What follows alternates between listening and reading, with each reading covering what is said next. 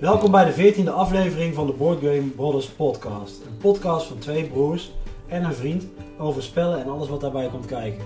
Hij is Falco. En hij is Mark. In deze aflevering bespreken we wat er op tafel is gekomen de afgelopen tijd, varen we door Caribisch gebied en geven we onze mening over Maracaibo en bespreken we de taal die spelers gebruiken. Schuif gezellig aan, want spelen verbroedert.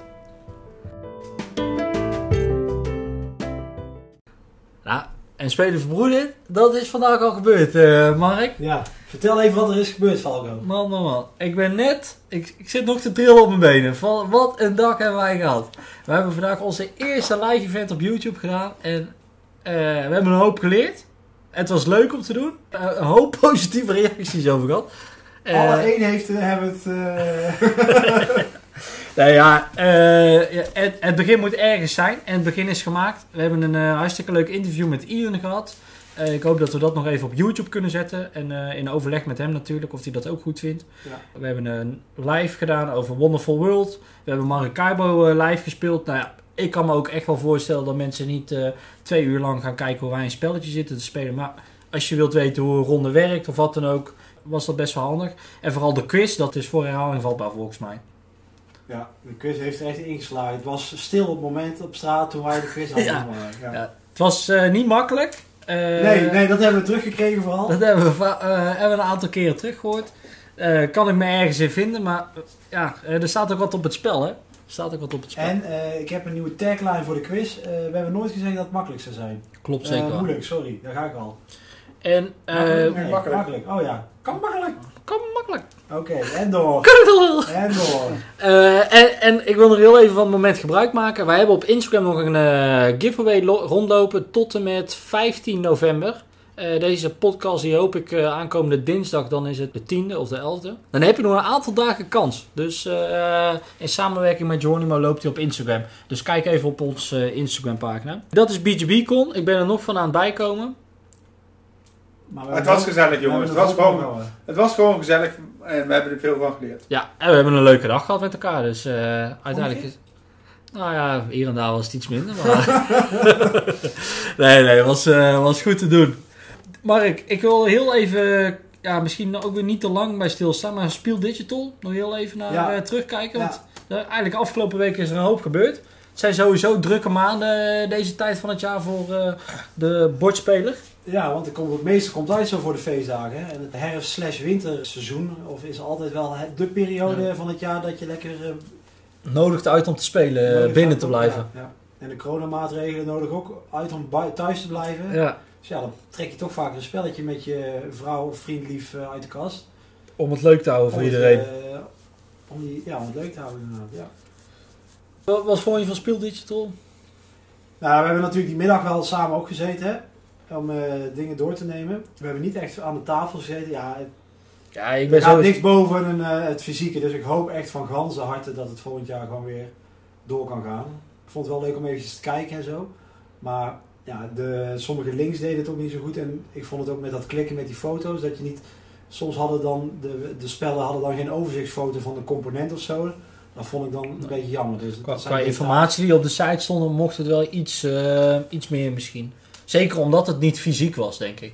Ja, Ik ben zelf ook niet zo'n hele grote held met dat Tabletopia en zo. Ik denk als je er wat meer in getraind bent en je luistert zo'n uitleg van iemand dat dat best goed te doen was en best oké te volgen was. Maar dat hebben wij inderdaad niet, eh, niet gedaan. Ja, hopelijk dat ze al deze energie, eh, dat ze er een hoop van hebben geleerd en volgend jaar nog eh, beter kunnen maken. Want de webs ja, de website eh, die blijft eh, tot eind van het jaar blijft die online. Ja. Om eh, alle informatie eh, te nog te bekijken. En voor de rest eh, denk ik dat we het maar hopen dat het volgend jaar weer... eh, Ja, zeker. Ja, ik, hoop het, eh, ik hoop het ook. Zijn er meer dingen die, die niet, spe- niet specifiek spelgerelateerd zijn? Nou ja, we- vandaag... Tenminste, qua spellen spelen. Vandaag is het ook de uitreiking van de Nederlandse spellenprijs geweest. Die, die is uitgekomen. Dus eh, familiespel, kennisspel en expertspel. Familiespel heeft Point Salad gewonnen, zeg ik dat goed? Ja. Point Salad van White Goblin Games. De van, eh, kennisspel is de Crew geworden. Nou, die heeft al een hoop andere prijzen ook in de wacht gesleept. Ja, Ook eh, speelgoed van het jaar eh, gewonnen. wat niet van het jaar. Hè? Ja, en dan eh expertspellen. Dat was architecten van het Westelijk Koninkrijk. Van, ook van White Goblin Games. Ja, dat is goed- goed gedaan dit jaar, hè? White Ja. Goblin. Ja, zeker. En Nine Nine die heeft veel gescoord op speelgoed van het jaar. Dus daarmee hebben de twee grootste Nederlandse uitgevers toch wel weer een hoop mooie spellen in petto voor ons. Dus eh, ja, alleen maar fijn dat, eh, dat hun zorgen dat het eh, bij ons op de planken komt. Ik weet eigenlijk niet wat wij nou tijdens de vorige podcast hebben gezegd, of in die podcast hebben gezegd. Wat, Hadden we even moeten zoeken, maar dan komen we de 15e komen we daarop terug. De 15e aflevering bedoel ik. komen we daar nog op terug? Ja, maar Oké. hadden we toch eventjes... eh, Nog heel even bij stilstaan. Ja. Is dat het spel van het jaar? Ik wou eigenlijk ook nog heel even terugkomen op die eh, uitbreiding. Jij had mij de vorige aflevering eh, een vraag gesteld van, ja, van welk spel heb jij niet per se een uitbreiding nodig? En ik, ik ben daar nog even over na gaan denken, want dat heeft mij aan het denken gezet. Jij zet mij vaak aan het denken, Mark. Dat is eh, heel goed. En- docent doe ik niks anders, hè? Ik ben er eigenlijk achter gekomen dat die kleine spellen, en dan noem ik als voorbeeld Regenwormen en Bonanza, een uitbreiding voor dat soort spellen heeft eigenlijk geen toegevoegde waarde. Oké.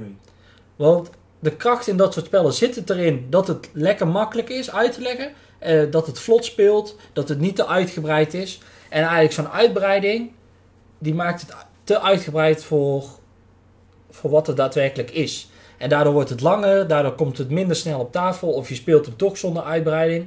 En een uitzondering daarop is wel Carcassonne de uitbreiding. Ik vind wel dat die eigenlijk altijd... Geen kaartspel, hè? Nee, dat is geen kaartspel. Maar die, die, je even... eh, die, die speel ik er dan toch altijd bij in. scherp. Maar die andere uitbreiding van Carcassonne, nou ja, meestal is het toch gewoon even een snelle potje. en dan zorgen die andere uitbreiding voor te veel extra regels, dat het toch net iets eh, lastiger wordt.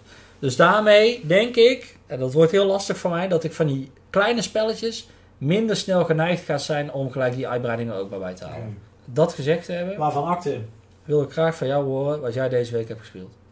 Oh ja, ik zie ook nog op verder. Ik zit nog eventjes te kijken naar ons eh, voorbereidingsformuliertje. Ik zie ook nog nieuwtjes staan. Wil je daar nu al iets mee? Of wat ik daar Eh, ik kan er nu al wat mee. Eh. Oh, is het er maar gelijk uit. Nieuw. Het hij zei gelijk Falco, of hij zei Mark, ik heb een nieuwtje voor je. En nu de nieuws.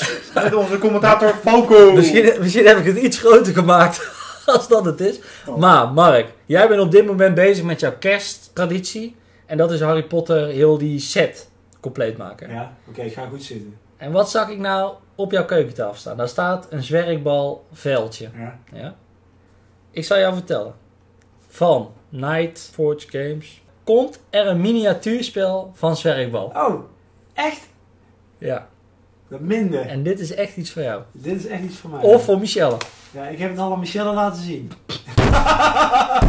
ik zei, is dit niks voor jou? Ja, ze zit nu beneden te luisteren. Falco. Man, man, man. ja, het komt op Instagram heel de tijd voorbij. Ik weet het. Ik dacht, misschien red ik het nog net 5 november. Ik kon er maar heel weinig van vinden. Ik denk van, ah, dit, eh, dit ziet hij misschien net niet. Maar eh, Je ziet niks anders, man. Nou, het ziet er wel vet uit, want je hebt dus verschillende teams en die spelen het op verschillende, echt wel op verschillende manieren. We hebben er al naar zitten kijken. ja, Maar eh, ik heb Michelle er niet overtuigd dat ik die mag backen. Dus ai, nou, eh, Michelle, als je luistert, als je luistert, probeer mee te gaan. nou, dat was mijn nieuwtje. oké, Eh, eigenlijk was het geen nieuws, maar... Eigenlijk was het weer geen nieuws. Ik Volgende keer beter. Ik probeer het iedere keer weer. Voor andere mensen die dit wel leuk vinden, eh, is het misschien wel een nieuwtje. Ja, even, even inderdaad. Dus je hebt de zwerkbal eh spel. Zwerkbals hebben we wel een aantal keer geprobeerd om dat spel een beetje te transformeren naar een bordspel. Dat is nog nooit heel lekker gelukt. Maar hoe dat ze het nu hebben neergezet, ziet er echt heel, eh, heel tof uit. Je hebt eh, ieder een team. En inderdaad met een zoeker en twee beuken. En een drie en wachter en nog wat mensen. En, en je hebt dat zwerkbalveld en je hebt die ballen en zo. Ja, ik weet niet precies hoe het werkt. deckbuilding volgens mij. Want je Zwadderig kon dan volgens mij de kaarten van de tegenstander manipuleren. Zo had volgens mij elk team had wel zijn eigen krachten binnen de, binnen de kaarten. Ja, en wat wel bijzonder is, is dat ze eigenlijk het eh, team van Grifoen er alleen wel bij naam hebben genoemd. Eh, alleen Harry Potter niet, er, die hebben ze eruit gelaten. En die kan je in een special eh, miniature pack halen. Om nog even lekker extra geld eh, te cashen. Ja, dat is Slim. Dat was over mijn nieuw. Mark, ga maar zeggen wat je hebt gespeeld. Want, eh, Ik heb eh Kwakzalvers gespeeld. Oké. Kwakzalvers, dat is een, eh, een van de bekendste familiespellen eigenlijk van de laatste tijd. Hè? Uitgebracht door 909 Games. Grote hit, zover ik eh, me heb laten vertellen. Komt dit najaar komt er een tweede uitbreiding voor. Daar wordt rijkhalsend naar uitgekeken. Ik weet eerlijk gezegd niet. Ik denk eigenlijk wel dat, eh, dat onze Nederlandse uitgever het ook wel gaat uitbrengen met de tijd. Maar wat je dan doet is, eh, je hebt een pot. En daar eh, ga je een brouwsel brouwen. Daar zitten, kunnen allerlei verschillende soorten eh, ingrediënten in zitten. En die ingrediënten, die, dat zijn fiches en die doe je in een zakje. Een van die ingrediënten zijn knalerten. En die knalerten die kunnen afgaan als eh, ze bij elkaar opgeteld een waarde van 7 of meer hebben. Zeg ik dat goed? Ja. Nee, meer dan zeven. Meer dan 7. Jasper die zegt meer dan 7, dus dan zal het wel zo zijn. En het is dus een beetje backbuilding. Dus je stopt fiches in een zak en die trek je er dan één voor één uit. En dat is ook een beetje push your luck. Hè? Dus daar gaan we het straks ook allemaal nog over hebben, wat al die termen misschien wel zijn. Dus dat je elke keer eh, een, fiche uit de zak trekt en dan leg je hem op. En dan mag je een eh, bepaalde actie doen die bij dat ingrediënt hoort. Ja, superleuk. Ja, je moet de hele tijd de grens opzoeken van nou tot wanneer ga ik... eh, en hoeveel fiches zitten er nog in en zo. Dus dat is wel een leuk element. En als je achterloopt, dan heb je ook een voordeeltje. Want anders is als je eenmaal, een- als degene die een beetje vooruit loopt, die kan best wel vooruit gaan lopen. Runaway leader. Mhm. Ja, het was de eerste keer dat ik het gespeeld had. En het was wel het was heel leuk, pittig. Het was best wel, toch wel, ik dacht dat het korter zou zijn, het spel. Maar eh, zeker nog een keer eh, de moeite van het spelen waard. Dus ik ben benieuwd dat het binnenkort, ik, ik ga ervan uit dat het binnenkort nog een keer vaak op tafel komt. Oké. Hoe lang heb je het ongeveer gespeeld? Een uurtje of zo? Een uurtje eh, speelt het ongeveer. Ja, ja, ik had gedacht eerlijk gezegd dat het iets eh korter zou zijn. Maar hey, het is wat het is. Ja, dat is zeker wel. En eh Falco, waar heb jij nog eh, gespeeld? Nou, ik had het er al over dat ik eh, wat meer op de app was gaan spelen. Ik heb een aantal dingen eh, van Terraforming Mars. Want het is geïnspireerd op de boekenserie. En ik heb de eerste twee boeken van die serie thuis liggen. Dus ik ga nou even op zoek of dat ook daadwerkelijk, eh, of ik daar linkjes in kan leggen. En daarnaast heb ik de serie Away gekeken. En daarin komen dus ook allerlei namen van eh Terraforming Mars voorbij. Dus dat is super vet. Dan zit je die serie te kijken en dan zeggen ze iets. En dan denk je van, oh ja vet, dat eh, heeft daar en daar mee te maken. Dus daar kan je een beetje linkjes mee leggen. Er komt een eh, stripboekserie van aankomende zomer in 2021. Maar wat ik vooral even tegen jou, met jou wilde delen, is dat ik via de app een beetje nieuwe tactieken uit te proberen. Zo heb je de Jovinian tactiek, science tactiek. Ik ben een beetje aan het kijken van nou, hoe kan ik nou het spel het beste manipuleren door de kaart een beetje op te sparen en dan ineens te gaan spelen. Ja, het enige nadeel is natuurlijk wel, je speelt met een app met een computer. En de computer die speelt toch altijd wel een beetje op dezelfde manier. Dus daar kan je een beetje op anticiperen. Het, mooie aan dit spel is, en dat is bijvoorbeeld eh, ook bij Maracaibo, eh, waar, waar jij het straks ook nog over gaat hebben, is dat je zelf een beetje kan bepalen hoe lang dat het spel duurt. Of een ronde kan duren. Dus als jij zegt van ja, ik pas, dan gebeurt er verder niks meer aan terraforming. Dus zolang het niet geterraformd wordt, gaat het spel niet vooruit, zou ik maar zeggen. Terwijl dat, als je graag wil dat het spel wel snel eindigt, dan zorg je dat die acties zo snel mogelijk worden gedaan, want dan is het klaar. Dus daarmee kan je ook een beetje spelen van, als je zegt van ja, mijn motor is nog niet op gang, dan ga ik me nog niet bezig met terraforming, zodat ik nog meer beurten heb om het uit te stellen. En dat kan wel zorgen voor hele, hele toffe acties. En daarbij wil ik ook als tip meegeven dat als je straks die coöperatiekaart eh, hebt, iedere speler die begint met een bepaalde coöperatie, de, er zit altijd een speciale actie bij. En probeer je niet te blind te staren op die speciale actie, want daardoor vergeet je soms. Ja, dat dus. Oké, nou duidelijk. Nou, niet helemaal. Maar in ieder geval, het is wel leuk om eh, een beetje nieuwe tactieken. Ja, dat als, dat je, als je een bordspel speelt, dan speel je misschien altijd wel een beetje op de veiligheid van hey, dit werkt, dus dan ga ik proberen, als ik wil winnen, met zo'n app zorgt ervoor, dat heb ik met Wingspan eigenlijk ook. Met Wingspan op de computer op Steam word ik wel uitgedaagd om eens focus op een andere manier te gebruiken of andere combinaties te zoeken, omdat je dan binnen een half uurtje heb je zo'n potje gespeeld en Ja. dan eh, Ja. kun je dat weer gebruiken. Nou, ik ben ook kunnen verder gaan met eh, King's Dilemma. En dat, wordt door, eh, dat is bedacht door Lorenzo Silva en Jalmar Hag. En wordt uitgegeven door 99 Games. En het leuke hiervan vind ik dat het dezelfde bedenkers is als Railroad Inc. En dat is eigenlijk een heel makkelijk dobbelspelletje. En ze hebben nou een heel legacy spel bedacht. En nou ja, zo, zoals we weten is het leven van een koning zit vol dilemma's. Of je bijvoorbeeld wel naar Griekenland op vakantie moet gaan of niet. Eh, zo heeft de koning hier in eh, Ankis daar ook eh, last van. Bij zijn dilemma's gaat het meer over hongersnood en oorlog voeren. En hij heeft heel veel mensen nodig om te adviseren. En jij gaat in de rol van zo'n adviseur zitten. Ja, het leuke is, we hebben nou twee potjes gespeeld. En de verhaallijnen worden een beetje duidelijk. Er zitten een aantal verhaallijnen in die je gaat volgen. Je komt een beetje in je rol van je huis. Van oké, ik, ik zit een beetje op de veroveraarskant. Dus een beetje oorlogsvoeren. En ik ben dus veel minder bezig of mijn volk tevreden is. Dus dat is, wel, eh, dat is juist wel leuk. Dat je daar een beetje in die rol eh, begint te komen. Het nadeel ervan vind ik wel is dat het artwork op de kaarten veel hetzelfde is. Dus ik heb al een aantal kaarten die hebben eigenlijk dezelfde artwork ook. En ja, eh, als je dan zo'n duur spel hebt, vind ik wel een beetje zonde dat ze daar, daar hadden iets meer aandacht aan kunnen besteden. Zeker omdat het bord ook best wel blanco is. Natuurlijk betaal je voor heel dat eh, legacy effect met al die kaarten die erin zitten. Dat snap ik ook wel. Het, het had van mij wel net iets aantrekkelijker mogen zijn. Oké. Dus dat is King's Dilemma. Heb jij eh, nog iets anders gespeeld? Eh, sterker nog, ik heb ook nog een legacy spel gespeeld. Want wij zijn met onze groep begonnen met de Pandemic Season Zero. De prequel van seizoen 1. Het speelt zich af in de Koude Oorlog. We hebben de proloog gespeeld nu, dus we zijn klaar om het spel te spelen. We hebben, het spel speelt iets anders dan de normale Pandemic. Er zijn iets andere regels, dus daarom is het wel verstandig dat je die proloog ook speelt. En die kun je zo vaak spelen als je wilt. Wat je moet doen is eigenlijk eh, de, eh, ja, je speelt het westen tegen het oosten. Wij waren het westen en eh, het oosten die had een bi- biochemisch wapen ontwikkeld. En dan moeten we nou gaan kijken wat, het, ja, wat de her- herkomst is van het wapen. En we, moeten een, we moesten in de proloog een geheim agent bevrijden of lokaliseren. En dat was heel, heel, heel grappig eh, gedaan. Ik ga niet te veel mechanismes eh, verklappen, maar wat ik nu allemaal zeg, dat staat gewoon, dat speel je gewoon in de proloog, dus dat is gewoon bekend als je het spel opent. Er zit overduidelijk eh, de oude pandemic, hoe zeg je dat? Gevoel. spelmechanismes zitten erin, het gevoel. Maar er zit een nieuw sausje overheen en ik ben heel benieuwd wat het is. Het vette eraan is, vond ik, dat je dus een paspoort hebt. Dat, ik denk dat dat wel echt een belangrijk of centraal deel is. En dan kun je tot drie personages kun je kiezen. Drie eh, groeperingen in het spel. Je hebt de, de geallieerden, zeg maar, de eh, neutrale en het eh, Oostblok. Dat zorgt ervoor dus dat je totaal drie karakters in je paspoort kan plakken. En ja, hoe dat precies werkt, dat weet ik nog niet precies.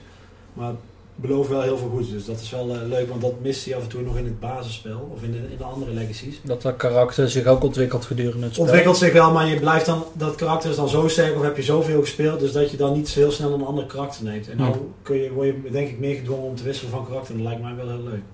Oké. Ja, ik eh, ben ook heel nieuwsgierig. Ja, die paspoorten waren, zijn echt super tof.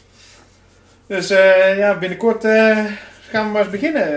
Eh, we weten nu hoe, een beetje hoe het werkt, wat de andere mechanismen zijn. Maand 1 van start. Ja, ik denk, ja. Januari. Falco, Ja. je weet hoe laat het is. Ja. Het is heel laat, maar eh, Nou, valt nu nog best mee, vind ik. het valt best mee. We zijn wel eens later begonnen met opnemen. ja, ja, ja. Maar wat ik eigenlijk wil zeggen is dat we eigenlijk vorige podcast hadden bedacht van... hey, kunnen we weer wat, eh, nog wat meer in krijgen? Kunnen we nog wat meer swing in geven? Toen hadden we bedacht van... hey, is het niet leuk om elkaar een beetje uit te dagen om eens in de zoveel tijd... of na elke podcast elkaar een uitdaging te geven? En hebben toen in de podcast hebben we het niet over, over Nee, gehad. eigenlijk pas daarna. Daarna, maar toen zei ik tegen jou... hey, jij, ik krijg, geef jou de uitdaging dat je deze tijd is eh, een solo spel gaat spelen. In verband met eh, de tweede golf. En Ja. eh, die is volop bezig. We zitten weer op afstand. We, hebben altijd, we zaten altijd op afstand. Ja.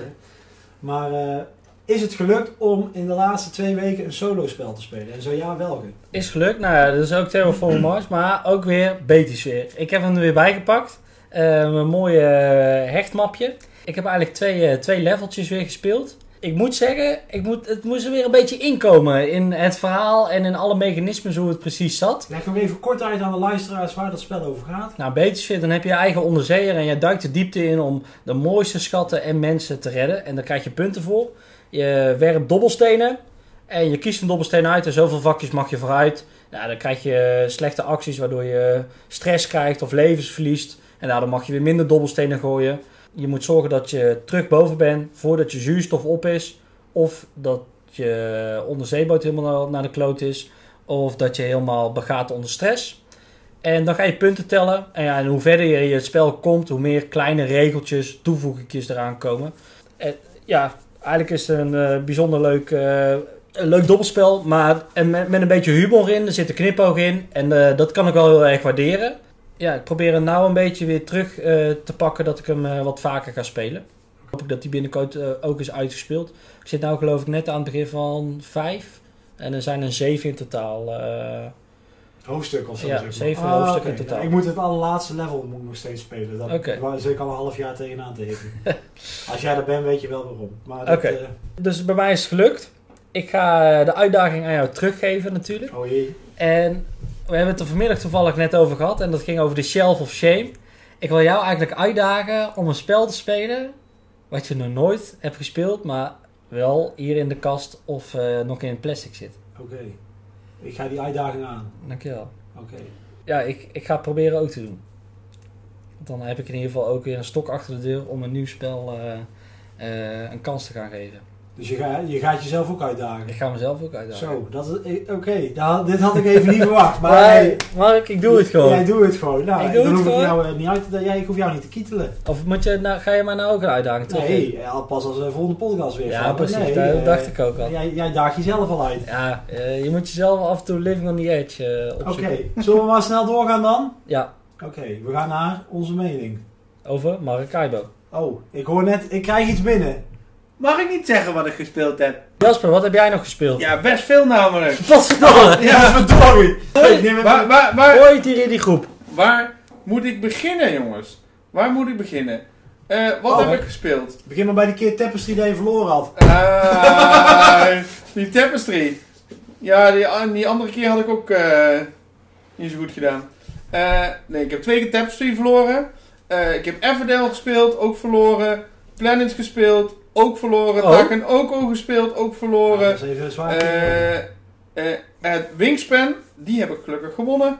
En het dorp, en die heb ik eh, verloren. Jasper, dat je hier nog zit. Ja, Dat ik heb heel veel mensen een positieve spelervaring. Maar ik ben helemaal happy, want ik heb best wel weer veel spellen gespeeld. Maar ook wat langere spellen die weer uit de kast zijn gekomen.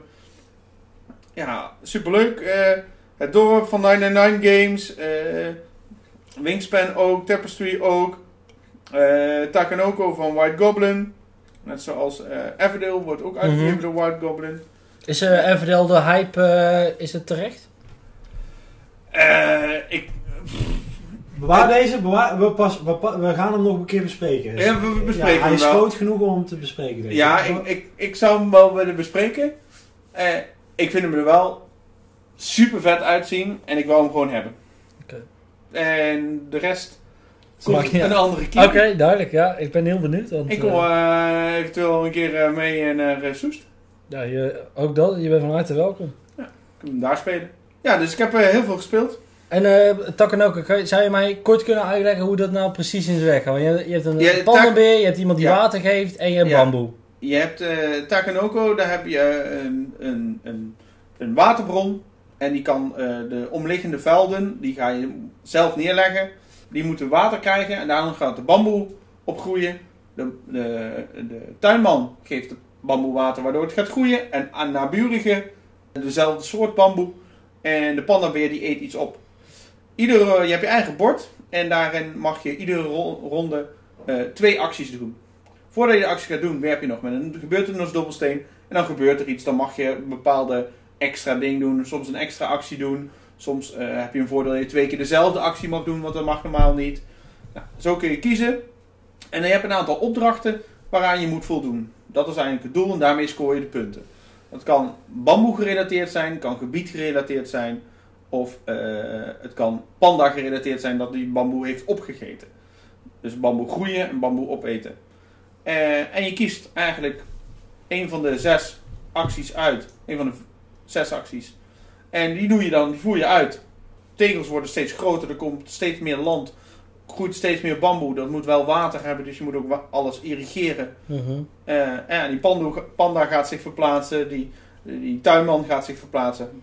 En zo probeer je te winnen eigenlijk. Oké. Je hebt maar twee acties van de zes, mag je die kiezen? Ja. Oké. Het is ook zo dat in andermans beurt kan ook jouw doel vervuld worden, maar je mag hem alleen in je eigen beurt claimen. Oké. Dus het kan zijn dat iemand bepaald iets opeet, waardoor jouw bamboe weer de juiste hoogte heeft. Mhm. En daar krijg je dan... eh, En dan krijg je dan, hé, hey, nu, nu is het me gelukt. Leg je hem neer, dan heb je de punten gekregen. Oké. Cool. Ja, en de panda is gewoon grappig. Zeker omdat eh, mijn vriendin is panda-fan, dus dan eh, komt dan, hé, hey, Takanoko, vind ik Ja, leuk. ja, ja, ja. Al komt het dan nog steeds niet zo heel veel uit de kast, maar Heb Ligt je ook nog nagedacht over de hele grote variant, dat je een hele grote schattenkapanne hebt? ja, nee, eh, het is wel goed. Ik vind hem leuk dat hij in de kast ligt en hij komt af en toe naar voren. Cool. Wij hebben vanmiddag Maracaibo gespeeld. Met z'n drieën. En voor mij de eerste keer, voor jou ook de eerste keer, Jasper. Ja. Mark, jij al wel een paar keer. En eh, Dat je, gaat, jij gaat hem even uit... eh, Ik ga hem even eh, voorlezen. Jij gaat hem even kort Ja, uitleggen. voordragen. Voordragen. Uit eigen werk. Uit eigen werk. Zeker wel. hey, ehm, ik ga eventjes een kort een uitleg geven over Maracaibo. Ik heb hem al vijf keer gespeeld nu en ik zal even kort uitleggen waar die over gaat. Je moet het ruime schop, sop kiezen, eh, want je gaat eh, naar de Cari Caribië toe. Daar proberen Europese machten hun invloed uit te breiden en je probeert een graadje mee te pikken.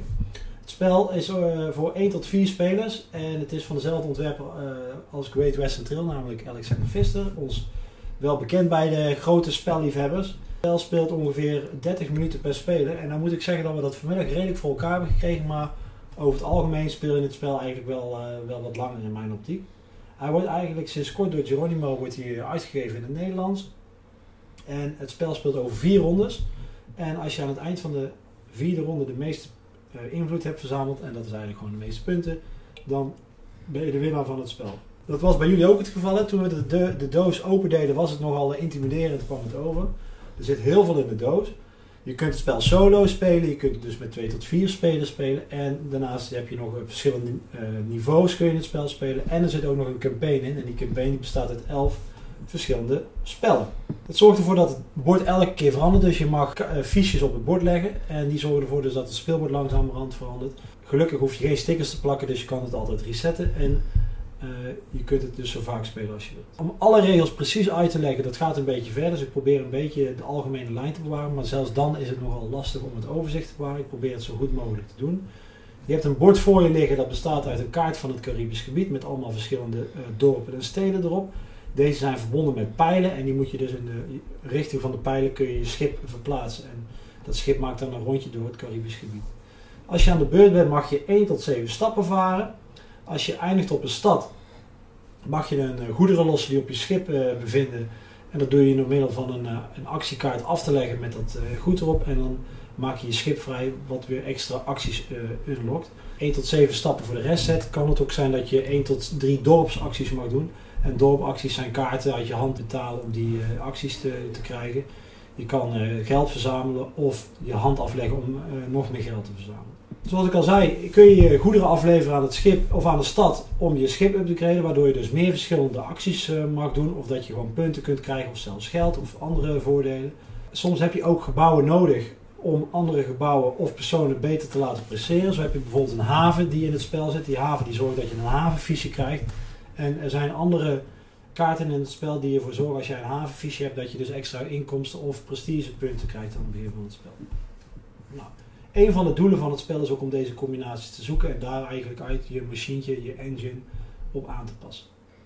Nou, dan heb ik het nog niet eens echt over het verzamelen van questen of over het ontdekkingssporen uh, gehad, maar je merkt eigenlijk wel een beetje dat er al genoeg te doen is om uh, je genoeg te vermaken in het uh, Caribisch gebied. Wat ik, zelf een van de belangrijkste dingen vind, en ik kwam er eigenlijk pas laat, te laat in het spel achter, of tenminste, dat zeg ik voor mezelf, want ik heb het nu vijf keer gespeeld en vijf keer heb ik aan het kortste eind getrokken, is dat het invloedsspoor, dat is boven het speelbord, heeft er echt wel een grote impact op het spel. Want je hebt drie verschillende landen waar je voor kunt vechten, Engeland, Spanje en Frankrijk, die proberen allemaal hun invloed te, te vergroten in het Caribisch gebied.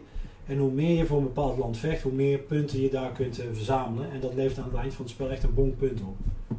Nou, als de speler zijn ronde heeft afgemaakt, dan zijn alle andere spelers nog één keer aan de beurt. En dan krijg je, uh, dan krijgt degene die de ronde heeft afgemaakt, die krijgt wat bonuspunten. En het is dus belangrijk dat je goed leert inschatten van nou, hoe snel of langzaam ga ik over zo'n rondje doen. Zodat ik uh, misschien wel iemand die juist hele sterke acties op het bord heeft gezet, uh, door middel van zijn kaarten, dat hij juist zo min mogelijk acties kan doen, zodat je het spel misschien wat sneller afmaakt dan uh, normaal. Daar moet je dus goed op letten. En uh, ik denk dat dat eigenlijk een beetje een hele korte en krachtige samenvatting is van het spel. En laten we maar snel doorgaan naar wat wij denken en vinden van Maracaibo. Ja, inderdaad. Het, het is heel veel. En uiteindelijk hebben wij het eigenlijk dankzij jou aldoende, de, terwijl we aan het spelen waren, kunnen gaan gaan ervaren. En, en dat ging dus best wel vlot, want uiteindelijk hebben wij het in twee uur gedaan met uitleg erbij. Dus dat ging best wel goed. Uh, maar inderdaad, er zit ontzettend veel in de doos. Weer heel veel icoontjes en wat dan ook. Maar ik vond het eigenlijk best wel goed te doen. Zeker omdat je misschien best wel stapsgewijs gedurende het spel het een beetje uitlegde. En op een gegeven moment heb je die icoontjes wel door. En ja, dat, dat was makkelijk eigenlijk. Ja. Ik denk dat die icoontjes best als je eenmaal weet wat ze... Ja, dat is altijd natuurlijk, als ze weten wat ze betekenen. Maar er zitten ook weer niet zoveel icoontjes in. Nee, en die kleuren en zo, die helpen er ook al bij. Groen, dat gaat over productie. Rood, dat is een actie die altijd geldt. Ja. Uh, dus dan, dan kan je het er al een beetje uitfilteren welke kant je wel op wil gaan en welke niet. Dus dat werkte best wel goed. daardoor eigenlijk ook best wel eh, ja, een heel leuk, maar heel uitgebreid spel. Je kan zoveel kanten op gaan en eh, ik had me een beetje op ingezet om de avonturenkant, expeditie op kant op te gaan. Maar ik merkte inderdaad dat het best wel lastig is om op dat spoor te lopen als je niet de juiste kaarten hebt. Dus eh, ja, uiteindelijk heb ik van alles wat gedaan volgens mij en zo een beetje de puntjes bij elkaar weten te sprokkelen. Ja, daarmee eh, niet op de eerste plek, maar ja, wel eh, voor mijn gevoel goed kunnen spelen. Ja, Ja, Jasper, jij ging er weer met de winst vandoor deze keer. Ja, deze keer wel. Ik, het is vandaag een iets gunstiger gezin, laat ik zo zeggen. Het is mijn ommekeer. Nee, ik ben het helemaal met je eens. Er was, waren best wel wat regels, eh, waardoor je in het begin denkt van oh, oh, veel. En tussen het spel door hebben we wat regels ge- geleerd en we hebben het ook gewoon lekker gespeeld. En ik heb gewoon gespeeld van wat er op dat moment in me opkwam en niet heel duidelijk gespeeld met eh, dit wil ik per se gaan doen. Nou, oké, dit, dit krijg ik nu. Nou, dan doe ik het hiermee. En omdat we wel vaker spellen spelen, zie je wel een beetje verband. Ik denk, nee, nou, ik ga zo optimaal mogelijk gebruik maken van mijn spoor. Wat wel zo is, want Mar- Mark, ik weet niet of ik jou heb horen zeggen. Als de ander aan het einde van het spoor is, heeft iedereen nog maar één beurt. Dus ik was vaker, in iedere ronde was ik vaak wat achteraan, want daar zaten mijn goede acties en ik, kon, ik had heel veel poppetjes daar staan, waardoor ik e- betere acties kan uitvoeren dan in het dorp. Maar ja, als iemand dan een van jullie aan het einde was, Dat is toch klaar. is mijn beurt ook klaar. En dan heb ik niet eigenlijk optimaal gebruik kunnen maken van mijn beurt. Dan moest ik andere dingen laten zitten. Nou, Ja. Het zij zo en op een gegeven moment eh, had Mark ook wel door, en jij ook wel door, dat, dat het best goede acties waren. Dus ja, ik kan dat wel doen, maar dan kan ik niks anders doen. Nee. Uiteindelijk heb ik wel gewonnen, het is me wel gelukt. Zal ik nog een keer spelen? Ja, ik denk het wel. Maar het is wel, ik vind het wel een spel waar je wel een beetje fris voor moet zijn. Ik, zou het niet zomaar Ja, in de avond, eh, ja, misschien het eerste spel in de avond, maar daarna zou ik het niet meer snel uit de kast trekken. Ik vind het toch wel wat pittiger Ben dan. je voor de zondagmiddag? Nou ja, of het begin van de avond. Stel, je hebt lekker, vo- je hebt lekker vroeg gegeten Oh, en je zit om, ja, eh, om, om 7 uur, half 8. Ja. Voor Het is wel een hoofdgerecht van een spellenavond, zeg Ja. maar. Ja, ja dat, dat bedoel ik een beetje te zeggen. Het is niet. eh, we hebben nog even tijd over. Laten we nog even een potje Kart, laat nog even een Marikaibo doen. Nee. Nee, dat is natuurlijk ook de tijd niet. Dat is ook de tijd eh, die je erin steekt. Is, eh, maar ik heb wel het idee, en dat had ik ook tegen jullie gezegd al, dat ik. Er zijn best veel regeltjes die je in de gaten moet houden. En dan moet je best wel fris voor zijn, anders sla je het over. Bijvoorbeeld, als je eh, je, je poppetjes, je, krijg, je kan een actie krijgen dat je een, een hulpje krijgt. Ik weet eventjes niet zo hoe, je het, hoe, hoe, je- hoe het heet in het spel, maar dat je een pop op het spel mag leggen. En dat is een actie die alleen voor jou geldt Een assistent. een assistent. En als je nou die assistent niet gebruikt tijdens de ronde, maar wel passeert, dan krijg je wel punten. Nou, dat is echt een regeltje wat ik elke keer mezelf aan moet Ja. herinneren. Want ik heb het nu een paar keer gespeeld. Ja, ik heb het echt een aantal keer gespeeld, een stuk of vijf keer. En het, het is vaak voorgekomen dat het spel beslist wordt echt dat we binnen de vijf punten van elkaar zitten. Dus aan de ene kant is het heel knap dat je door compleet verschillende routes te nemen toch uit, uit, eh, uit, eh, uiteindelijk bij elkaar kunt komen. Maar tegelijkertijd vraag je dan ook af van, ja, heb ik nou wel Je hebt ik elke iets keer gedaan wat ik, wat ik moet doen? Heb ik niet iets gemist of zo? Dat is wel af en toe lastig eh, bij te houden, want er gebeurt zoveel op het bord. Eh, dus dat is wel echt in, om in eentje om de gaten te houden. Het is niet voor de, voor de even tussendoor, zeg maar. Het is Nee. wel echt een eh, spel waar je constant je, je concentratie bij moet hebben. Ja. Valko, jij wil iets zeggen, maar ik, Nou ja, ik zat te denken van, nou ja, jij, jij bent een groot fan van Great Western Trail ook. ja, Ik heb hem eh, van je geleend. Ik heb hem ook meegenomen om in ieder geval een soort van die alvast een keer gespeeld te hebben voordat we Maracaibo gingen spelen. Want het was wel bekend dat hij natuurlijk wat bekende eh, wat elementen daaruit haalde. ja, die rondo, hè, dus dat je elke keer een rondje gaat en dan acties eh, Ja. doet. Dat is eigenlijk zijn... eh, dat je punten scoort als het ware en weer opnieuw begint. Ik had hier ook al een beetje, of nou ja, bij Great Western Trail is dat dek met kaarten ook veel belangrijker. Nou speel je wat meer kaarten. Wat, wat ik leuk vind is dat die kaarten, en dat is in Great Western Trail ook al, is dat je ze wat dat je ze gebruikt voor meerdere doelen, zeg maar. Eh, dus hij geeft je of eh, die actie die erop staat, of je kan hem inleveren als goed, of je kan hem inleveren als missie. En dat, dat vind ik altijd wel heel leuk, dat je ja, dat een kaart niet alleen maar de actie is die die speelt. Wat wilde ik nou vragen? Welke vind je beter? Great Western Trail of Maracaibo? En waar zit het hem dan in? Ik wil niet, eh, graag niet praten in termen van beter. Ik wil graag praten in termen van anders. Of het spel wat jou... eh, Sorry. het spel wat jou eh, beter afgaat? Nou, het is wel zo dat, eh, en dat merk je ook wel bij Great Western Trail, zijn er eigenlijk drie paden die je kunt doen. Je hebt gewoon de treinstrategie, je kunt de huizenstrategie en je kunt de Cowboy. cowboy, ja, zeg maar met, de, weet het, met je dekstrategie. Dus dat zijn hele drie duidelijke paden die je, waar je eigenlijk een beetje op kan eh, gaan. En dat is bij Maracaibo echt een stuk minder, want er komt dus veel bij kijken. En ik denk eerlijk gezegd, maar dat weet ik gewoon niet zo, ja, dat kan ik niet echt hard maken, maar dat het missiespoor of het ontdekkingsspoor en ehm, welke nou nog meer? Het, ja, de missies.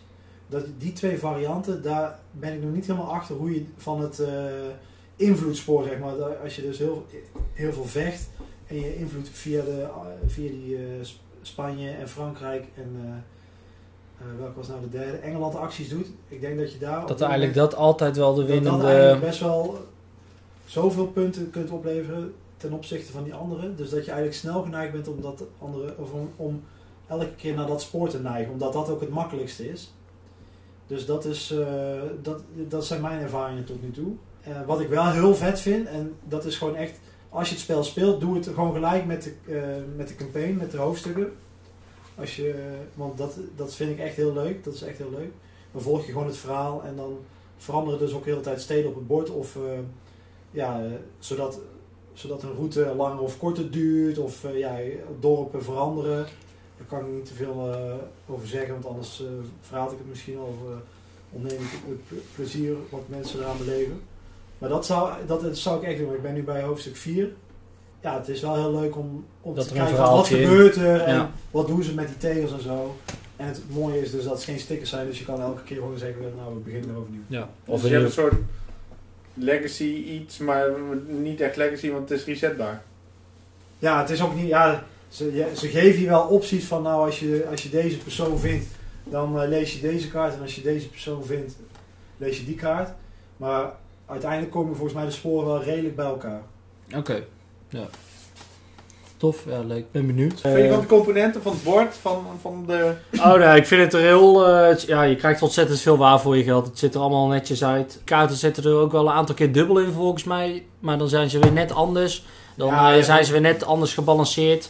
Je hebt een startdeck, dat zijn, bestaat uit 40 kaarten. En die 40 kaarten zitten er een aantal, die zitten dan in totaal tot 6 keer eh, hetzelfde in. Maar die zijn er net een andere variatie, elke keer wat jij zegt. En dan heb je nog 110 kaarten volgens mij, die dan, eh, waar je dan een deel uit moet pakken. En daar speel je het spel mee. Dus het is ook elke keer anders. En er zitten hele vet, ja, ik vind hele vette acties. En die assistenten, die maken het ook heel leuk. Want dan Ja. kun je dus acties op het bord die alleen voor jou zijn. Ja. eh, die anderen niet kunnen gebruiken. Maar ja, je kunt wel die assistenten van anderen gebruiken om weer geld te verzamelen. Dus het zit wel echt heel vet in elkaar. Ehm, alleen, het is wel eh, wat- dat je er niet eh, aan het eind van de avond nog even zo erbij pakt. Maar dat is ook het spel niet na. Dus daar moet je wel echt goed in de... Ja, Ja. het is, ik, wat je verwoordt het mooi, het is echt wel een beetje een hoofdgerecht van het spel. Ja. Dat, Ja, je moet ook even een beetje wat dingen klaarzetten. En al die fiches op de juiste dingen. En de blokjes daar. En eh zus en zo. Dus het speelt zwaarder, als we, ja, sorry dat ik even onderbreek, maar het speelt wel zwaarder dan Great Western Trail. Vind ik persoonlijk. Er, komt, er zijn meer dingen waar je rekening mee moet houden. Ja, ja, dat denk ik ook wel, ja, inderdaad. Dus als je Great Western Trail heel leuk vindt, dan is dit eigenlijk ook een. eh, ja, dan, dan spreek je dit ook heel erg aan. Is Great Western Trail Beetje de max van je... de max, dan zou ik dit niet zo snel eh, adviseren om eh, te spelen. Hij is wel beduidend een stukje uitgebreider dan, dan Great Western. Ja, ja zeker. Ja. nou, er, er gebeurt gewoon heel veel op heel veel verschillende terreinen. Ja, en je moet elkaar denk- ook nog een beetje in de gaten Ja, houden. precies. En ik denk niet dat dit een spel wordt waarin je één strategie kiest. Nee, het heeft je, ik je ook... moet meerdere dingen doen. Je moet... Ik, ik, heb, bij ik heb heel veel meegeleefd bij Mark. Ik had er ook wel kaarten aan. Ik heb die kaarten ook wel behouden. Omdat ik wist, hé, hey, Mark gaat daarvoor. Mhm. Dus ik wil daar vaak van mee profiteren. Ja. Ja, en dat is me aardig gelukt. Ja, ja, en dan scoor je inderdaad ineens 35, eh 36 Ja. punten aan het einde van het spel. Ja, ik heb zelf ook wel drie blokjes daaruit gehaald. Waardoor, waardoor we dus ook eh, meer punten kregen eh, Mhm. samen dan. Maar Ja, Mark heeft er heel veel in geïnvesteerd. Ik iets minder. ja. En ik profiteer er wel van. Dus dat is wel... Kunnen Ja. we door? Nee, ben ik nou niet. zout op jou Nee. slag aan het leggen of zo? Nee, is maar wel Maar, maar daardoor is het wel bijzonder inderdaad dat je dan maar zo weinig eh, punten... Uiteindelijk lagen we allemaal bij elkaar in de buurt, eh, Ja, volgens we- mij. binnen 15 punten. Ja. En dan zit je een punten tot 150 binnen de 10%, pro- 10 van het Ja, spel. dat vind ik wel echt heel knap. Ja. Dat is echt wel... eh, Heeft het goed? Ja, maar- dan ben ik benieuwd wat de mechanismes, de rekenmechanismes erachter zijn, zeg maar. Doe je nou Maracaibo te review zonder mij? Oh jee. Het geweten van Nou, Mark eh, komt binnen! Mark, Het geweten van Mark komt binnen! Wie is Nou. hier de master van Maracaibo? Wie heeft Mark nou drie keer, was het? Eh, Verslagen? ja, drie, vier, ja, wat doet Vier keer vier, vier keer hoor, ik had iets gespeeld hiervoor. Oh, En nee, ik neem mij heb jij vier keer gewonnen, want Mark heeft vier keer verloren. Nou, Dus Michel, ga zitten alsjeblieft. voor wij zitten. Schrijf ik, hoor je, ik zat mijn tanden te poetsen. Zwangere vrouw moet toch niet in naar bed? Zo. Ik kan dacht- alles. In deze podcast kan alles. Ik dacht, dat ik toch even mijn, mijn two cents in. eh, Michelle, lucht je hart, gooi het eruit. Gooi het eruit, ja. Nou, om te beginnen, ik vind Maracaibo leuker dan Great Western Trail. Oh, dus zo, dat is een mening. Ik vind hem beter gebalanceerd en ik heb heel vaak met spellen dat ik het idee heb dat ik niks voor elkaar krijg. Dat je zomaar aan het sparen bent voor dingen en je niet echt genoeg eruit haalt wat je er uiteindelijk mee doet. En dat heb ik bij deze helemaal niet. Ik heb eigenlijk met Maracaibo het idee dat je, ja, zonder dat je denkt, ik krijg het allemaal cadeau, toch je muntjes bij elkaar krijgt om kaarten te kopen en eh, je persoonlijke acties eh, kan bouwen waar je het al over had. Dat vind ik echt een superleuk element erin. Ja, ik heb hem wel alleen met z'n tweeën gespeeld. Ik denk dat met meer inderdaad wel echt lang wordt. Dat is dan weer eh, jammer. Ik nou, vind mag ik, eh, onderbreek ik je even, onderbreek ik je eventjes, sorry. Wij hebben met z'n drieën sneller gespeeld dan de spelletjes dan wij met z'n tweeën hebben gespeeld. En waar zat dat, dat in, denk je dan? Dat wij, onze rondes waren langer, denk ik. Ja, ik, ben wel, ik was wel van het uitbenutten van de rondes. Ja, Maar, en ik trapte er elke keer in dat jij er. Ja, daar gaat het mis, Ja, ja, ja. Ja, maar we- ja, je, je wilt je vrouw toch een extra ronde geven. Ja, zo is het ook. Je bent te goed voor deze wereld, Mike. Maar ik hoorde wel eens terug, of ik hoorde terug van dat het verwarrend was. Dat je zoveel opties hebt en er zoveel dingen tegelijk spelen. Nou, ik eh, zit met mijn pregnancy brain en ik had alles helemaal onder controle. Misschien is het een vrouwendingetje dat je wat meer dat multitasken kan of zo. Ik weet niet wat het is. Maar dat was dus niet echt een dingetje waar ik eh, over struikelde, moet ik Oké, zeggen. oké. Dus dat was ook even mijn, mijn visie als vrouw, of weet niet wat, wat het is Eh, op laten vallen. Nou ja, of dat het verschil maakt, weet ik niet. Maar ik had er niet echt moeite mee. Ik vond het juist super leuk dat er zoveel elementjes waren waar je allemaal een beetje in kon investeren. Ja, dat meelift vond ik ook eigenlijk wel grappig. Van ja, je bent een beetje zo. Dat is toch wel echt een interactiestukje bij dat eh, vechten. Dat je zegt van hé, hey, eh, die loopt een beetje ver uit met, met een bepaald land.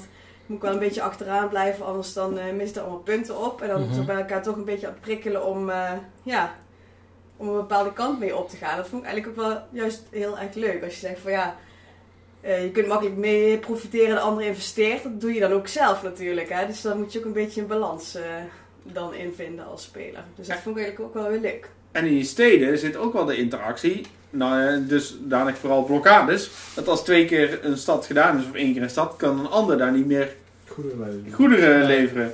En dat is Ja. soms best vervelend, want je wil dat goed kwijt op jouw bord om extra acties te kunnen Als je doen. die net hebt eh, ge- gezorgd hebt dat je die kaart getrokken hebt, dan is Ja. inderdaad niet meer te doen. En ook wel met het plaatsen van die gekleurde blokjes. Ja, ik ben even met die termen niet zo goed, maar eh, dat er dan al iets bezet is en dat je dan je kleur even niet kwijt kan of zo. Dat zijn ook van die dingen waar je elkaar dan in de weg zit. Ja, ik heb hier niks meer aan toe te voegen. Nee, eh, Mark is er stil van. ja. Dit, dit zag jij niet aankomen. Nee, nee, dit zag je niet aankomen. Ik Maar... Goeie toevoeging, goeie toevoeging.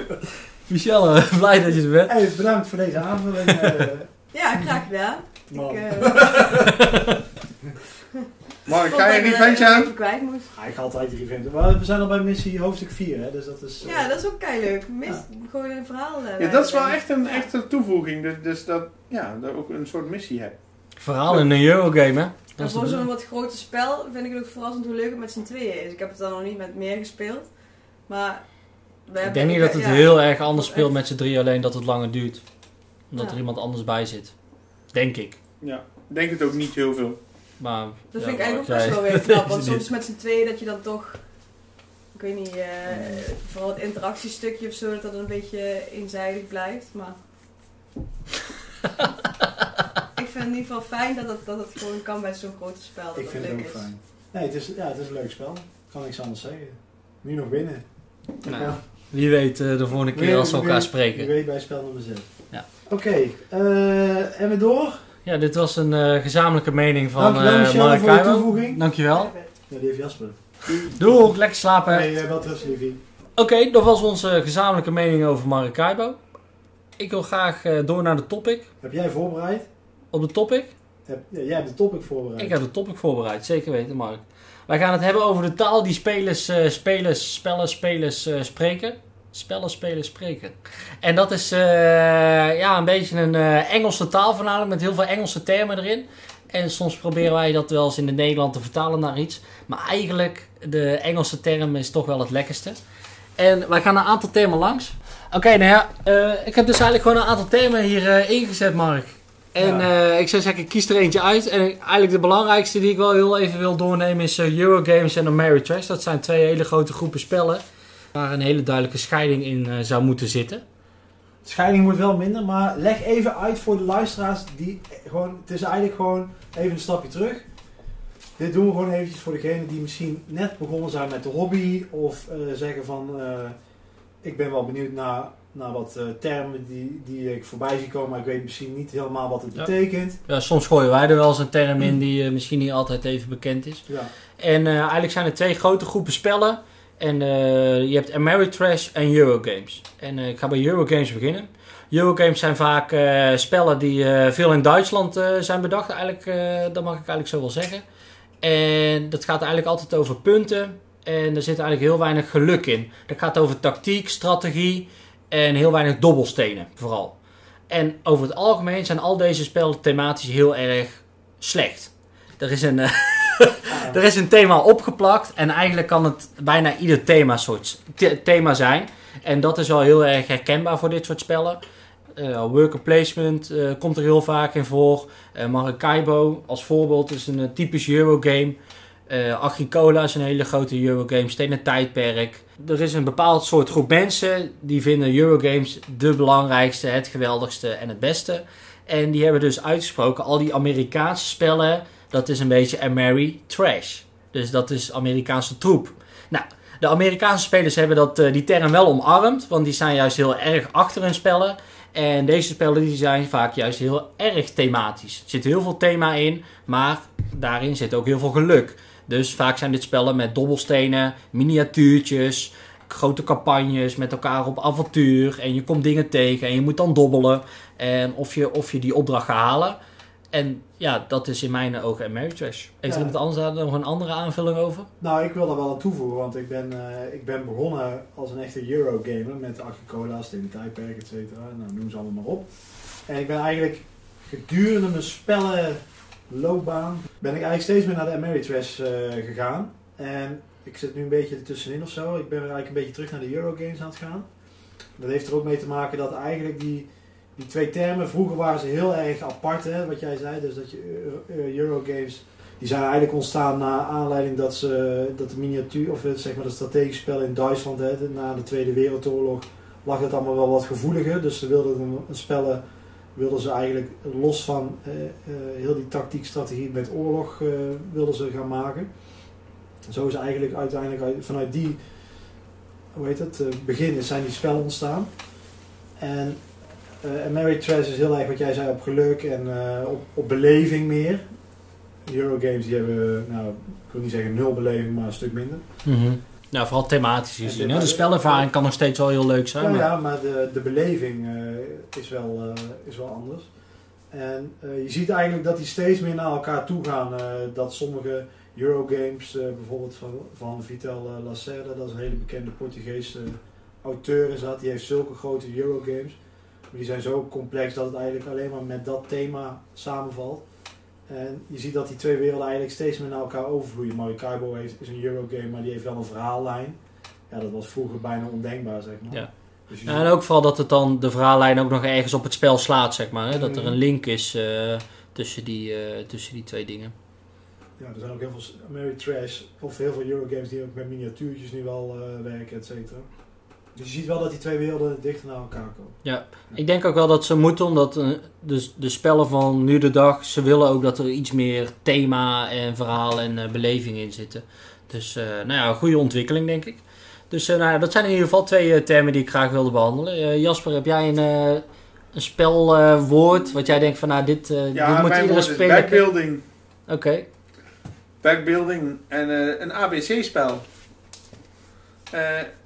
Dominion. Ja, nou ja, ik, ik, ik sluit even aan. Dat is een, dus een deckbuilding.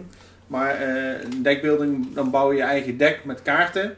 En Dominion is een voorbeeld ook van een ABC-spel. Dat is, een, eh, is eh, ook weer een Engelse ta- term.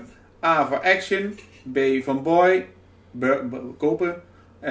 en C van clean-up. Dus je doet een actie, je koopt iets en je ruimt het op. Nou, en zo kun je dus doorspelen en zo werkt Dominion. Eh, bij, en dan bouw je eigenlijk een, eigen deck om zo goed mogelijk die acties te benutten en zoveel mogelijk te kunnen kopen. Bij een backbuilding game bouw je dus met, eh, met fiches, met poppetjes, iets, iets in je zakje. En eh, in het geval van Altiplano, wat ik een super tof spel vind, ma- ma- maak je dus je eigen ja, back, set met... set eh, fiches in een zakje. En die kun je beïnvloeden. En dat is best goed te doen, ook voor mensen die wat minder vaak spel spelen. Bij Dominion moet je wel echt wel wat tactischer zijn. Dan zie, je, ja. dan zie je echt wel dat als je wat vaker speelt, zie je veel meer de combinaties en dergelijke. Bij ehm Altiplano is het gewoon een actie om jouw fiches eruit te halen. Nou, oh, deze fiches die eh, heb ik eigenlijk niet nodig. Die haal ik eruit. Nou, op het moment dat iemand dat doet, kun je dat fysiek doen. Ho- hoef je niet veel meer voor te kunnen. En eh, ja, een, een andere backbuilding is. eh waar Mark het al over is kwakzalvers. Ja. Hè, die eh, hebben we samen gedaan. Eh, en daar zit ook weer, hangt weer een term aan. En dat is push your luck. Hoe ver ga je om zoveel mogelijk eruit te halen? En zeker omdat je ook een voordeel krijgt als je als eerste eindigt. Ja, hoe ver ga je om toch dat te kunnen bereiken? Ja. Wat is nou de kans als ik nu een knal trek en mijn ketel ontploft? Ja, soms heb je echt pech. En dan heb je met een kal heb je nog 15 fiches. En dan is het één fiche die kan je laten knallen. En uitgerekend die trek je. ja, ja. Die kans, die kans is 6,6%. En dat is super klein natuurlijk, één van de 15. Maar ja, het is er wel. Push your luck. Mark, heb jij nog een term? Je zit zo naar de lijst te kijken. Ja, ik heb eh, eentje Point Salad, die spreekt er bij mij uit. Point Salad. Heel, eh, naam van een heel leuk spelletje natuurlijk, wat vandaag, eh, terwijl we de podcast opnemen, de Nederlandse spellenprijs heeft gewonnen. Point Salad is eigenlijk afgeleid eh, en ik denk eigenlijk dat er één auteur heel groot mee is geworden met die term. En dat is Steffen Veld. Dat is een Duitse spelauteur die eh, spellen ontwikkelt of spellen heeft ontworpen die op duizend en één manieren punten kunt scoren. Dus echt op elke willekeurige manier, elke actie die je doet, levert je één of twee punten op. En dus op point salad eigenlijk, eh, dus van alles wat je doet, levert je wat op. Punten. En dat zie je heel, heel veel terug bij zijn, eh, bij zijn spellen. En het is zelfs bij point salad, het spel, is dat zo doorgetrokken dat elke kaart zijn unieke manier van scoren heeft. En dat zie je dus heel erg terug in het eh, spel. Dus Point Salad, als ik aan die term denk, dat kleeft bij mij heel erg aan een bepaalde auteur. In dit geval Stefan Veld.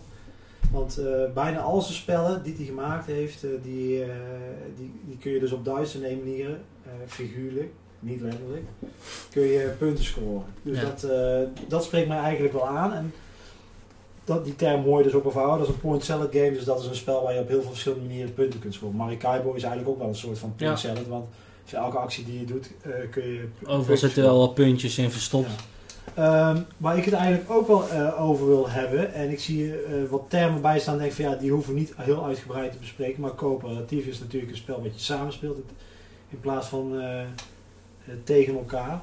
Maar wat daar wel een beetje mee te maken heeft met het coöperatieve spel is het alpha player principe.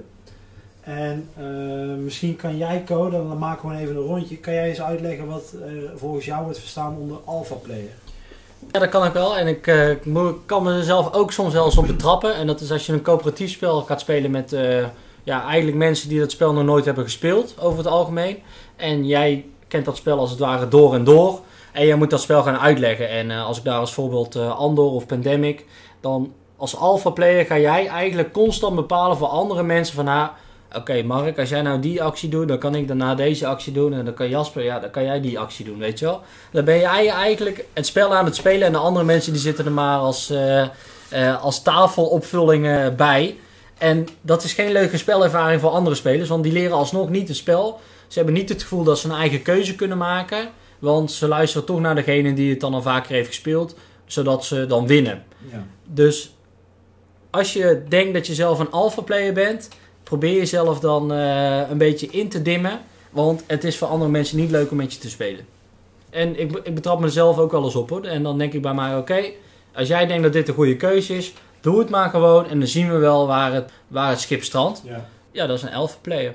Oké, cool. Even kijken. Maar Hij scrolt door. Oh, is nog meer joh. Nou, valt wel mee. Ja, wa- wat ik heel erg lang lastig vond, is een trick-taking game. En eigenlijk is het heel makkelijk, want het is gewoon een simpel slagenspel. Het, het is gewoon een slag halen, dus een slag winnen met een setje kaarten. En ik, ik, vind, ik vind het altijd zo'n rare benaming, trick-taking. Maar je neemt een trick en dat is dan eh, de slag als het ware. Oeh. 4X zie je niet zo heel veel in, eh in bordspellen. Het komt eigenlijk vanuit de grote PC-spellen zoals eh, Civilization. Nou ja, daar is nu ook wel een bordspel van. Eh, we hebben het ook met Alien Artifacts even kort over een 4X game gehad. En het gaat over explore, expand, exploit en exterminate. En dat betekent eigenlijk dat jij je volk, ja, dat je als het ware een eh, volk opzet. Dat je op, eh, op onderzoek gaat, dat je je volk gaat uitbreiden. En dat er ook altijd gevecht is.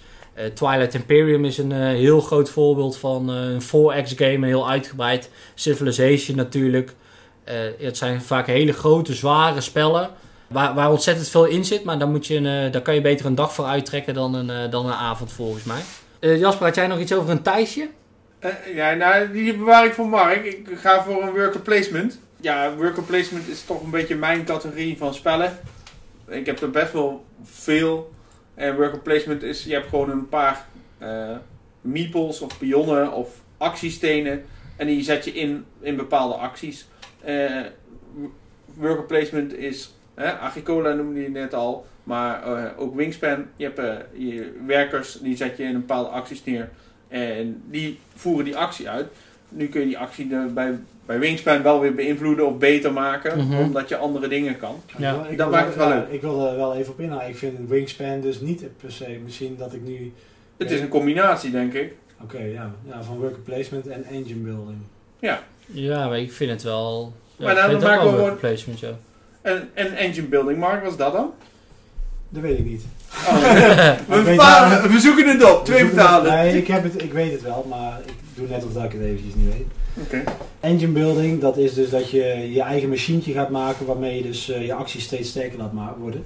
En Wingspan is eigenlijk eh, ja, nu het bekende voorbeeld. Dus eh, je hebt maar vier acties die je kunt doen. Je kan eh, opvoederen of je kan een vogel bouwen. Of vogel bouwen, vogel Ja, vangen. ik zeg in het ook altijd.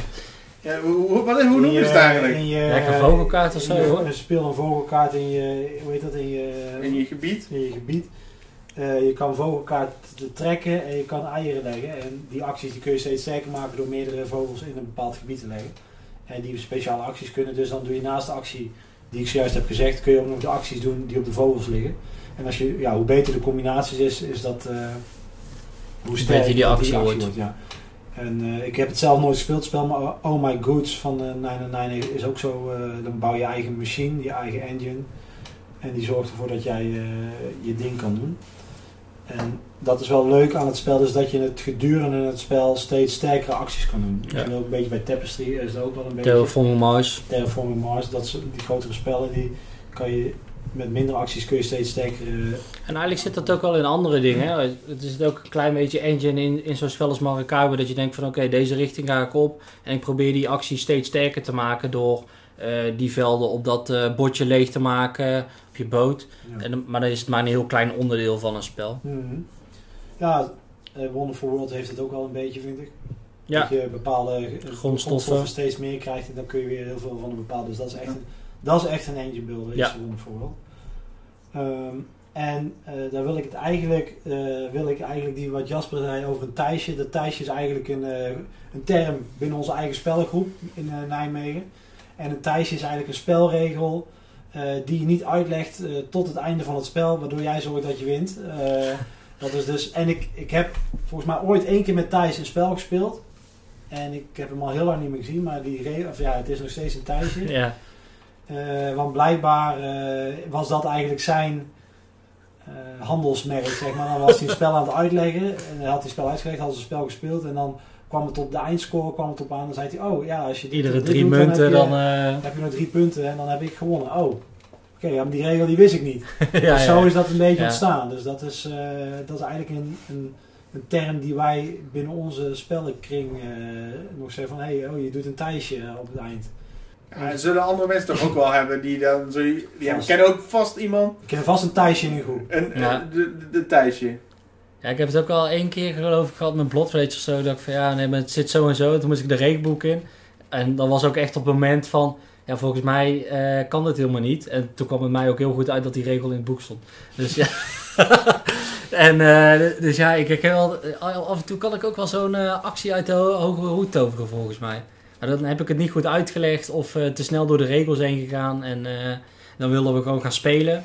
En dan vaak op die eindtelling eh, mis je dan toch nog wel een belangrijke info eh, die je had moeten delen. Ja, er zijn natuurlijk nog veel meer termen. Maar ik denk dat we de belangrijkste termen misschien wel eh, gehad hebben. Ik zie Jasper nog heel eventjes kijken, door even door de, door de lijst scrollen. Mis jij nog iets waar je zegt van nou, dit wil ik toch nog even benoemd hebben?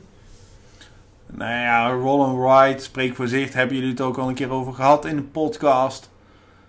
Eh, Asymmetrisch, dat je weet als een spel asymmetrisch speelt, is dat ja, dat is wel een goeie. eh, dat is wel een goeie. Dat, is- dat komt eh, is- wel steeds vaker terug ook. Ja, eh, dat, eh, als een spel asymmetrisch is, is eigenlijk iedereen eh, die, die speelt net iets anders. Dus iedereen die begint met een karakter, eh, bijvoorbeeld eh Root is daar een eh, goed voorbeeld van. Ja, je bent, voorbeeld. je bent een bepaald eh, volk en jij speelt op die manier. En zo win jij het spel. En iemand anders speelt op een totaal andere manier. Die heeft totaal niks met, met jou te maken eigenlijk. En dat maakt het wel heel erg leuk. En aan de andere kant ook heel moeilijk. Want iedereen speelt op een andere manier. En het is best wel lastig om als eerste speler in zo'n spel te weten van... Oké, die speelt op die manier, die speelt op die manier. En je moet zelf ook nog ontdekken hoe dat je speelt. Dus eh, asymmetrische spellen zijn ook, wel altijd, zijn ook altijd best wel lastige spellen volgens mij. eh. Ja, maar nu trek je het met Root trek je het wel extreem door. Omdat dat, eh, dat is echt een spel waardoor, waar elke, elke speler een compleet andere spel eigenlijk speelt. Zijn eigen spel bijna. Terwijl asymmetrisch kan ook gewoon zijn dat je een andere startkaart hebt. Zoals bij, eh hoe heet het spel wat jij met die backbuilding... Altiplano, dat is ook een asymmetrisch spel in principe. Omdat je Net anders begint als de rest. net anders begint dan de rest. En- nou, je hebt dan een asymmetrische start. ja, Maar ook, eh, ik, ik zit nu zo ook zelf te denken aan, eh, aan Raptor. dat is Dat ook een is- asymmetrisch ja, spel. dat is echt Ja, een as- Star Wars Rebellion. asymmetrisch Ja. spel. Je bent gewoon twee karakters. Eén is het ene karakter en de andere is het andere karakter. En je hebt ook andere kaarten en dus ook andere acties. Ja. Maar je speelt wel samen een spel. Ja, dat die, is die met die mannetjes. Watergate is er ook eentje als asymmetrisch. Die- Met die mannetjes. Je blauwe doos- blauwe doos. Staat beneden Imperial Settlers. Imperial Settlers, ja. Dat is ook een asymmetrisch Ja, spel. asymmetrisch spel, want je hebt gewoon een ander volk met andere Ja. acties. En eh, dat vind ik wel heel leuk. Dus de een die speelt heel anders. En toch is het zo gebalanceerd dat in principe niet één iemand beter is dan de ander. Maar je moet maar net leren spelen met, met, dat, met wat je hebt. En dat is wel, eh, wel heel leuk, vind ik. Maar ook, ook Tapestry en Everdell, wanneer je, eh, iemand anders naar een ander tijdperk gaat, wat- terwijl jij nog terug gaat, is dat ook asymmetrisch? Ik vind dat, eh, ja, het is asymmetrisch omdat het volk, je startvolk Je beschaving is je anders. beschaving is anders. Oké. Dus je speelt op die manier. Maar heeft dat ook een naam op het moment dat jij Ja, asymmetrisch. ongelijk eh, in tijd zit? Ja, wat, In een bij- andere ronde zit? ja, want jij kan al klaar zijn terwijl dat iemand anders nog... eh, ja, dat bedoel ik. Ik, durf het zo, ik durf het jou zo niet te vertellen. Nee, dat durf ik ook even niet te zeggen. We zoeken het op. We zoeken We het. komen er eh, misschien de volgende keer op terug. Ik weet het niet. Ik zou Ja. niet eh, Oké. Zo leren wij ook nog wat misschien. als jullie het weten, beste luisteraars, eh, Laat het ons even weten. Oké, Mark, Mark is er klaar. het, is, eh, het is laat. Het, maar het is op voor vandaag. We hebben genoeg Ja. achter een scherm gezeten. We gaan afronden. Ik wil eh, Jasper bedanken voor vandaag voor BGB-con. En om even de podcast. Michelle. Bedankt. denk ik ondertussen, maar bedankt voor je, voor je mening bij Maracaibo. Ik denk dat het ook wel goed is om eventjes eh, een vierde kant van het verhaal... eh,